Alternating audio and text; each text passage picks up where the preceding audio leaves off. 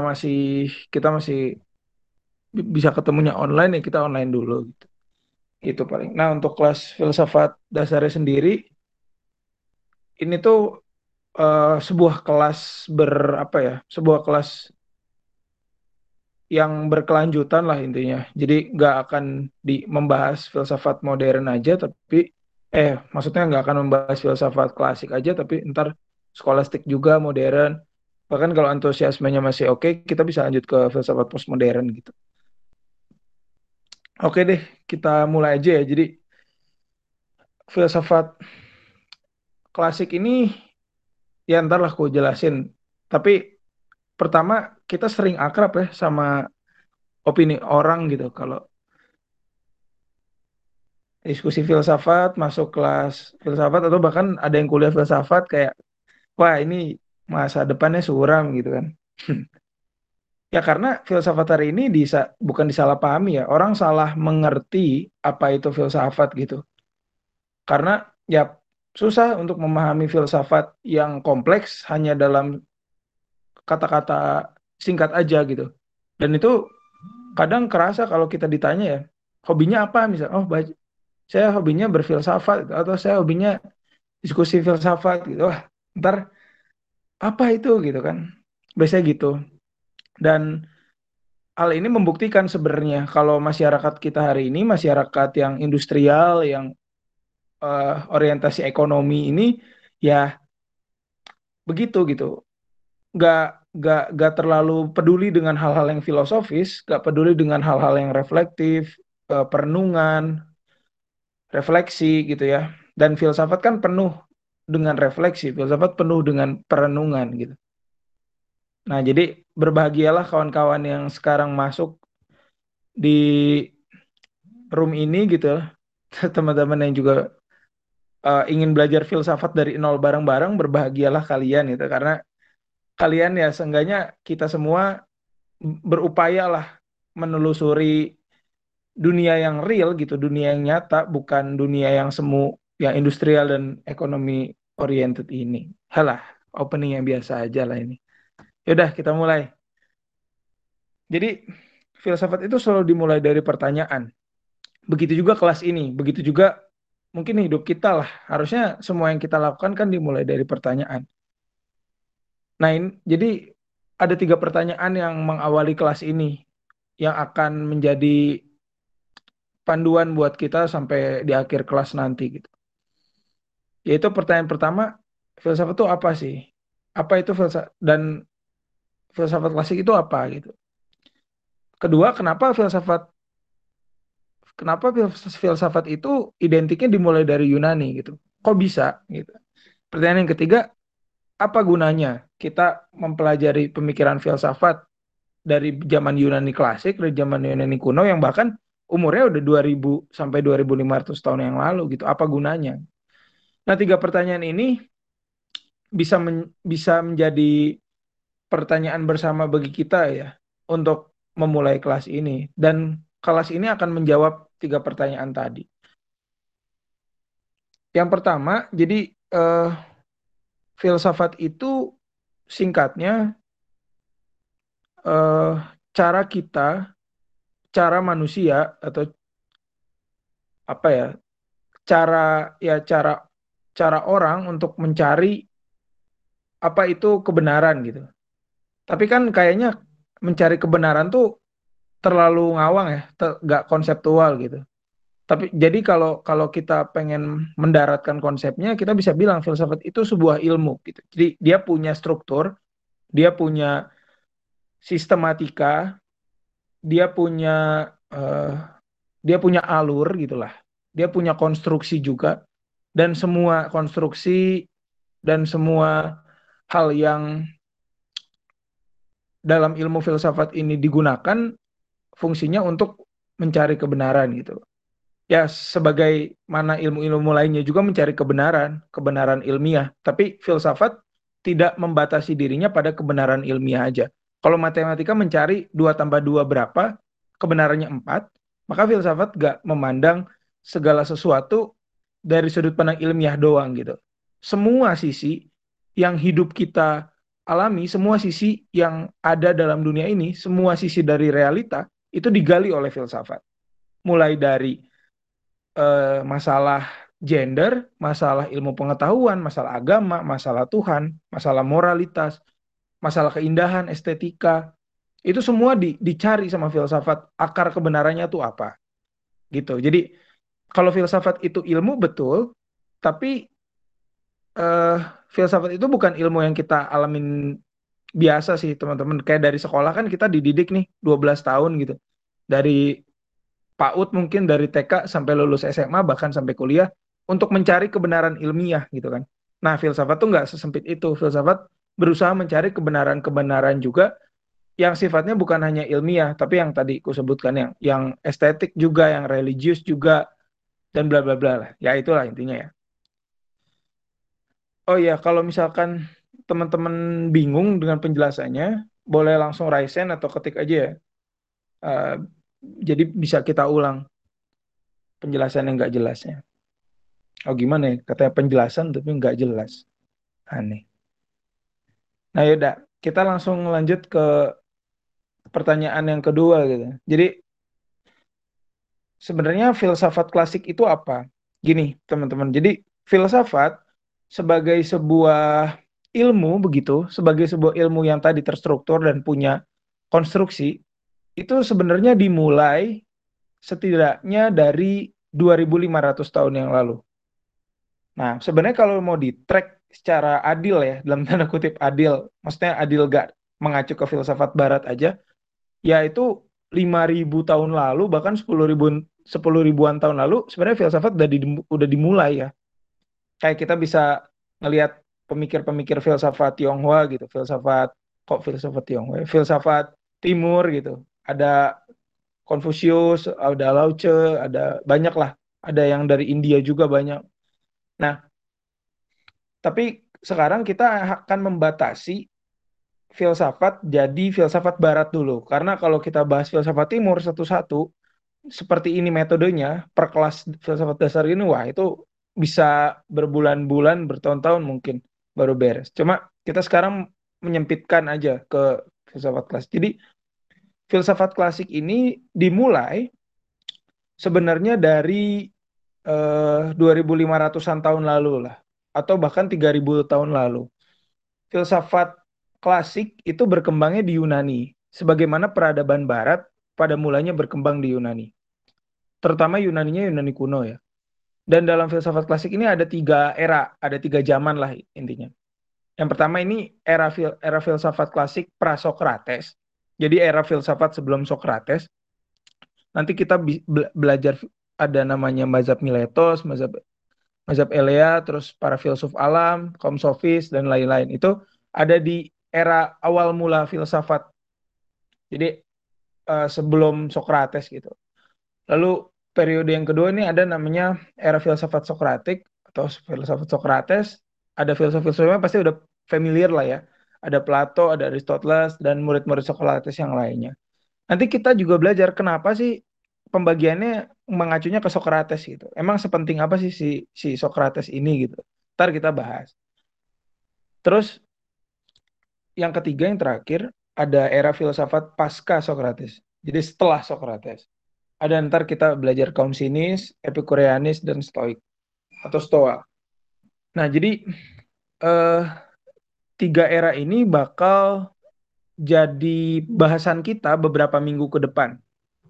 Ya seenggaknya dua atau tiga minggu ke depan lah. Tokoh-tokoh yang ada di layar ini nama-namanya bakal kita kulitin pemikirannya kayak apa. Nah, jadi lanjut ke pertanyaan ketiga, kenapa sih harus dari Yunani gitu? Kenapa filsafat ini munculnya di Yunani? Ya seperti ku bilang tadi, padahal faktanya 10.000 tahun lalu misalnya atau 5.000 tahun lalu di daerah-daerah timur, terutama di Cina, bahkan di Arab, di India, itu udah berkembang filsafat. Tapi kenapa sekarang kita mulai dari Yunani? Jadi pendeknya, Yunani itu bukan yang pertama kali menelurkan filsafat. Nah, ini ingat ya. Jadi kalau misalkan ada orang yang bilang, wah pertama kali filsafat itu muncul dari Yunani. Nah, itu belum belum tentu valid argumennya. Karena kita ya akhirnya kita jadi mengerti kan filsafat itu ada yang timur, ada yang barat gitu, ada yang Yunani, ada India, ada Arab, ada Cina gitu. Dan dari semua kekayaan itu ya pencarian orang akan kebenaran, pencarian orang akan akan mencari nilai-nilai kebijaksanaan itu ya bukan dari Yunani doang awalnya gitu. Bahkan yang tertua ya bukan Yunani. Tapi di Yunani lah, di Yunani kuno lah pertama kali filsafat berusaha dijadikan sebuah sistem ya. Jadi ini mungkin yang penting. Jadi filsafat tidak lagi menjadi nilai-nilai kebudayaan.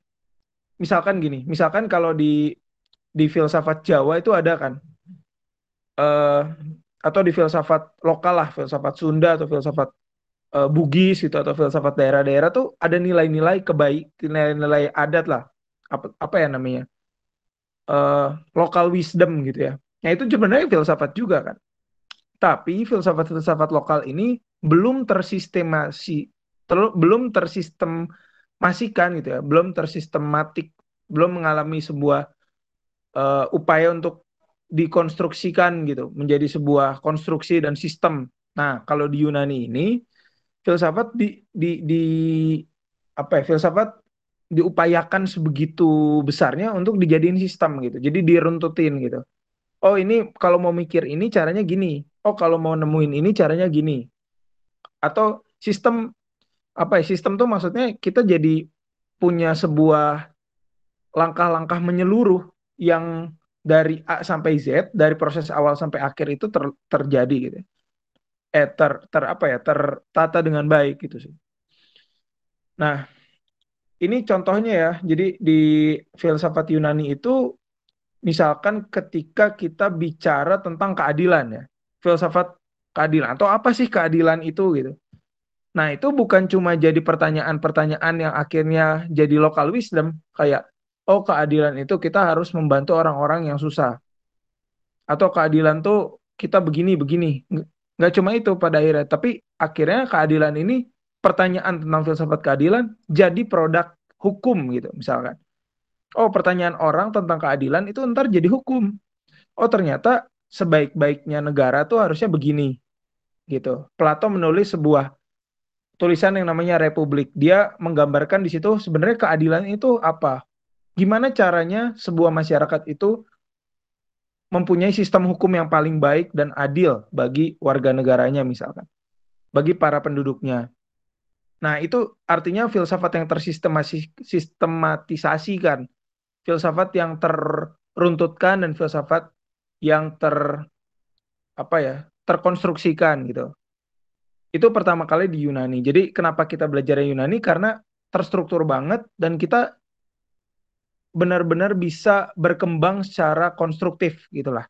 Jadi kita punya bentuk nih sama filsafat. Jadi filsafat bukan cuma nilai-nilai ngawang, Gitu. Kalau nilai-nilai ngawang ya teman-teman nggak perlu ke Yunani. Maksudnya kita bisa cari lokal lokal wisdom di daerah-daerah terus kita bisa belajar dari situ. Tapi Yunani memiliki konstruksi yang lebih rumit sehingga penting banget untuk kita pelajari. Terutama filsafat barat ya nanti berkembang gitu. Nah, ini ada kata kunci untuk filsafat klasik. Jadi yang pertama, kalau di filsafat klasik, di filsafat Yunani filsafat itu bukan cuma teori. Filsafat itu adalah cara untuk menjalani hidup. Jadi kalau bicara filsafat di zaman Yunani, ini sebenarnya secara teoritik nggak terlalu banyak. Kita malah bisa melihat bagaimana filsafat itu nilai-nilainya dipraktikkan dalam kehidupan.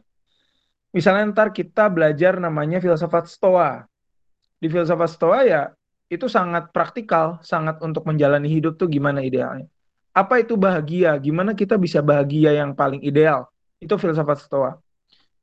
Dan dari situ kita bisa lihat filsafat itu bukan kayak sekarang. Kalau sekarang kan di perguruan tinggi kita bicara filsafat, bicara teori ya. Misalkan filsafat, oh kita René Descartes gitu. Kita mengutip tokoh-tokoh Immanuel Kant gitu.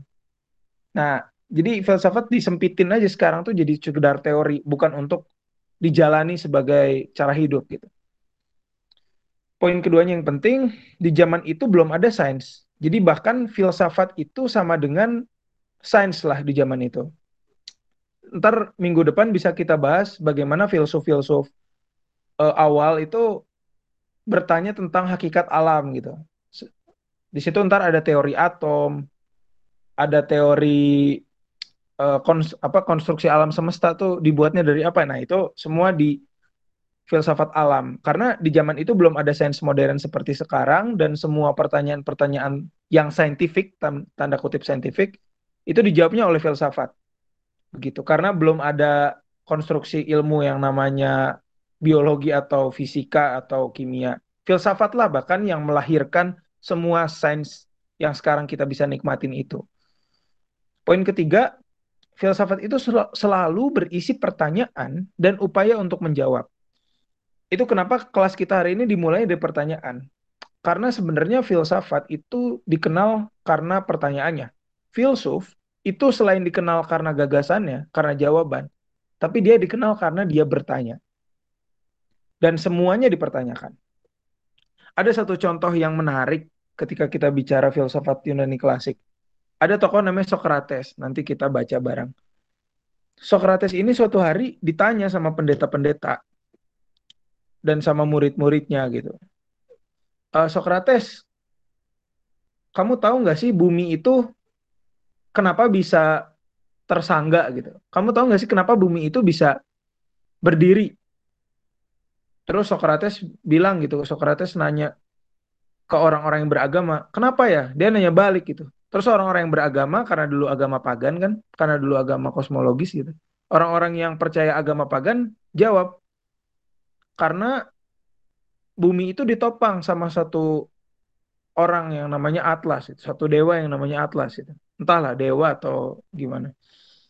Atlas ini menopang bumi jadi kita nggak jatuh. Kita ini nggak ngalamin gempa kita ini nggak ngalamin bencana karena Atlas kuat menopang kita. Jadi kita harus menyembah Atlas lalu Socrates nanya gini lah kalau kalian percaya Atlas kalian uh, kalian ini nggak kalian uh, kalian tahu nggak Atlas itu memegang apa ya? Atlas itu menopang bumi, lalu Atlas berdiri di apa? Apa apa alas alas kaki yang menopang Atlas sehingga dia bisa menopang bumi gitu. Socrates nanya gitu ke agamawan. Terus si agamawannya bilang, "Oh, Atlas berdiri di atas kura-kura sehingga dia bisa menopang bumi." Lalu Socrates nanya lagi, "Lah, kura-kura yang diinjak Atlas berdiri di atas apa? Kura-kura lagi, kata agamawannya. Lah, Socrates nanya balik. Kura-kura yang pertama itu berdiri di atas apa? Kura-kura yang lain. Ya terus aja itu. Sampai nggak terhingga kura-kura, kura-kura, kura-kura. Nah ini cerita kecil itu menunjukkan bahwa dari awal keberadaan filsafat, dia selalu berusaha untuk bertanya kepada apa pun jadi apa pun itu bisa dan berhak dan wajib dipertanyakan dalam filsafat.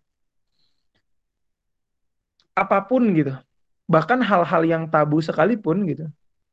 Ya kalau kalau pakai ceritanya Atlas tadi kita bisa tahu dewa aja dipertanyakan gitu. Apalagi konsep keadilan kan. Apalagi alam semesta, apalagi uh, moralitas gitu. Ya pasti semuanya dipertanyakan. Itu ya. Jadi kunci untuk belajar filsafat kali ini adalah selalu berusaha mempraktikkan filsafat sebagai cara hidup, sebagai praktik. Jadi nggak cuma teori doang, nggak cuma jadi uh, kumpulan teori. Lalu kunci berikutnya untuk belajar filsafat kali ini selalu bertanya kepada apa pun. Karena di situlah ketika pertanyaan itu begitu kuatnya, di situlah kita juga begitu kuatnya untuk berupaya menjawab apa pun. Lalu yang terakhir, kita bisa bertanya terhadap apa pun. Gak ada larangan untuk tidak bertanya terhadap apa pun di dalam filsafat. Itulah kata kuncinya.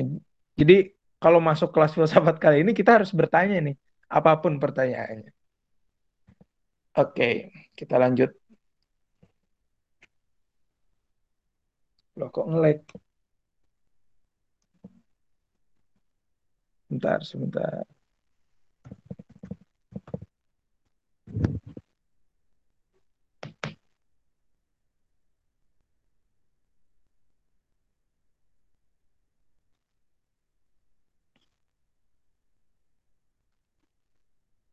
Ya, salah pencet. Halo, halo. Masih muncul lah itu? Masih. Eh, udah enggak? Oh, ini udah enggak ya? Oke. Saya, saya.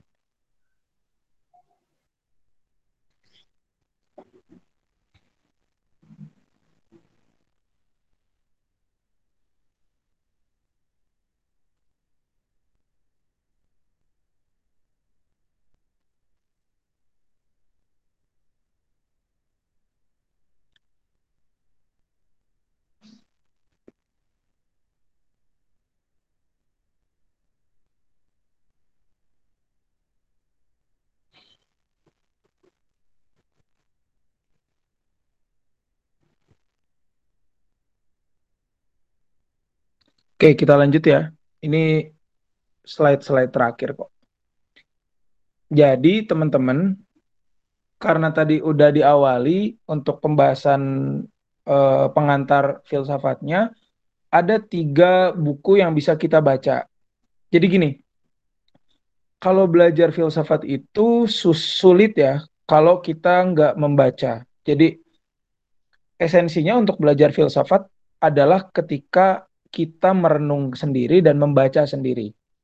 Jadi sehebat apa pun, bahkan gini, kasarnya setinggi apa pun atau sehebat apa pun orang yang bisa menjelaskan filsafat, itu akan sia-sia.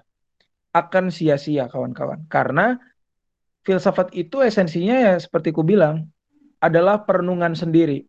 Filsafat itu adalah sesuatu yang harus kita jalani sendiri. Kita hadapi sendirian. Jadi walaupun profesor nih yang menjelaskan filsafat ke kalian, ya belum tentu kita bisa paham gitu.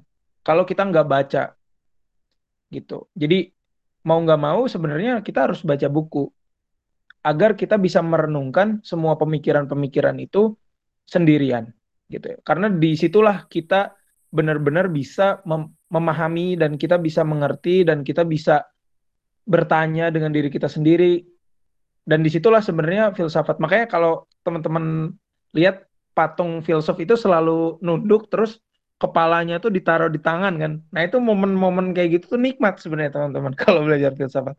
Momen ketika kita baca nih Socrates gitu ya kita baca ini ini pengalamanku dulu waktu awal, -awal belajar filsafat aku baca Socrates gitu satu kalimat. Socrates bilang gini orang-orang yang bijak adalah orang-orang yang tahu bahwa dirinya tidak tahu apa-apa. Wah, itu aku pusing. Kan aku pusing itu. Aku ada di kamar gitu ya. Terus ini apa maksudnya gitu. Katanya tahu, tapi nggak tahu apa-apa. Apakah tidak tahu apa-apa bisa disebut tahu? Waduh. Itu kan momen musingin yang cuma bisa kita lewatin sendirian. Dan ketika kita hanya mendengar filsafat pada akhirnya materi-materi filsafat dari audio ya nggak apa-apa juga. Dari kelas ini nggak apa-apa juga tapi aku menyarankan biar teman-teman lebih dominan untuk belajar dan baca aja dulu gitu dibandingkan dengar orang ngomong. Karena itu bisa lebih melatih pemikiran kritikal kita untuk lebih dalam aja gitu sih intinya. Dan ini ada tiga buku yang bisa uh, teman-teman beli karena untuk yang ebook itu udah dikirim ya di grup. Jadi ebook yang berbahasa Indonesia itu udah ada dari UIN Jogja dan UIN Jakarta itu udah jelas juga pengantar filsafat klasiknya. Teman-teman bisa baca aja kalau lagi seret duit nih eh, akhir-akhir bulan gini kan.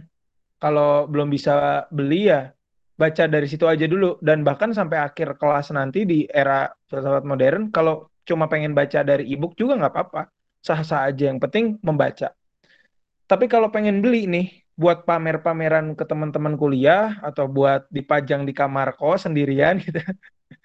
Ada tiga buku yang menjadi rekomendasiku. Seenggaknya buku-buku ini bisa dibaca lah sebagai awal untuk kenalan sama filsafat. Mungkin ada udah ada yang punya juga lebih bagus. Buku pertama bukunya Profesor Bertens. Eh, beliau profesor filsafat di Sekolah Tinggi Filsafat Diarkara di Jakarta dan beliau terkenal karena menulis banyak buku filsafat yang diterbitkan oleh penerbit Canisius. Ini bisa dilihat aja. Di Tokopedia cuma 23.000 harganya. Satu buku. Di sosial agensi juga 22.000 apa. Murah kok yang buku pertama itu. Dan itu wajib tuh kalau teman-teman pengen beli ya beli itu tuh. Wajib seenggaknya buat nge-recall aja lah pernah baca filsafat apa dan itu meringkas sejarah filsafat sampai di era modern sampai di Nietzsche itu ada mukanya tuh yang paling kanan di atasnya Descartes. Nah, buku kedua bukunya Bertrand Russell itu sejarah filsafat Barat itu kalau nggak salah harganya 250 ribu deh. Jadi kalau pengen nabung, pengen beli satu buku sejarah filsafat atau buku filsafat yang proper dan luas dan mendalam itu bisa langsung aja beli yang Russell ini. 250 ribu itu berapa halaman ya bentar? Aku ada pegang di sini soalnya. Itu sekitar seribu seribu halaman teman-teman bukunya itu. Dan itu worth it banget untuk untuk jadi pegangan. Karena Russell ini filsuf analitik ya dia profesor matematika sebenarnya. Dia profesor matematika dari Cambridge kalau nggak salah. Dia ini salah satu filsuf terkenal dari mazhab analitik. Nanti kita bahas di filsafat modern. Tenang saja, pelan-pelan ya. Russell, keren pokoknya Bertrand Russell tuh. Nah, bukunya yang ketiga ini buku e-book yang udah ada di link yang Google Drive yang dikasih di grup. Itu tulisannya John Barnett ya. Barnett ini seorang sarjana klasik, seorang sarjana filsafat apa ya? Sarjana filsafat yang paling paling banyak dikutip sebenarnya Barnett itu. Dan dia menulis banyak sekali bukunya tentang tentang filsafat kuno, khususnya Plato. Dia dia kalau nggak salah spesifiknya mengkaji Plato. Dan bahasa Inggrisnya nggak terlalu susah sih, bisa dinikmatin. Cuma ya kalau nggak aku juga nggak terlalu kuat sih baca bahasa Inggris gitulah. Jadi tapi kalau pengen digali itu menarik juga bukunya dan sangat sangat sangat sangat sangat komplit lah apa yang dia sampaikan itu. Nah mungkin sekian dulu lah pengantar filsafat kali ini. uh, bentar. Karena ya itu seperti ku tadi bilang, kalau belajar filsafat itu nggak akan lengkap kalau kita nggak baca buku sendiri. Jadi kalau misalkan kita ikut kelas online gitu, itu bisa kita bisa tenang-tenang aja gitu ya, seneng dengerin pembicaranya, seneng tinggal ngerangkum doang. Tapi jangan lupa jika membaca buku filsafat itu sebenarnya lebih lebih penting dibandingkan mendengar bacotan si pembicara online begitu. Dan sebenarnya esensi belajar filsafat itu ada ketika kita membaca, kita merenung, kita berpikir sendiri dan kita menjalani. Itu yang lebih penting. Setelah kita baca nih, kita renungin, kita menjalani itu lebih penting. Kita menjalani apa yang udah kita baca, nggak cuma sebatas di teori, tapi akhirnya kita mempraktikkan pemikiran-pemikiran yang mereka pikirkan ribuan tahun lalu, ratusan tahun lalu, untuk kita aplikasikan ke hidup sehari-hari kita, ke cara kita berpikir, ke cara kita bertindak, ke cara kita menilai sesuatu, ke cara kita memahami sesuatu, ke cara kita berkuliah, bahkan ketika ke cara kita bertuhan gitu. Itu akhirnya jadi berpengaruh dan di situlah sebenarnya fungsi belajar filsafat. Kita mengetahui cara menjalani hidup yang lebih real dan lebih hakwi-kui. Begitulah presentasi kali ini untuk pengantar filsafatnya.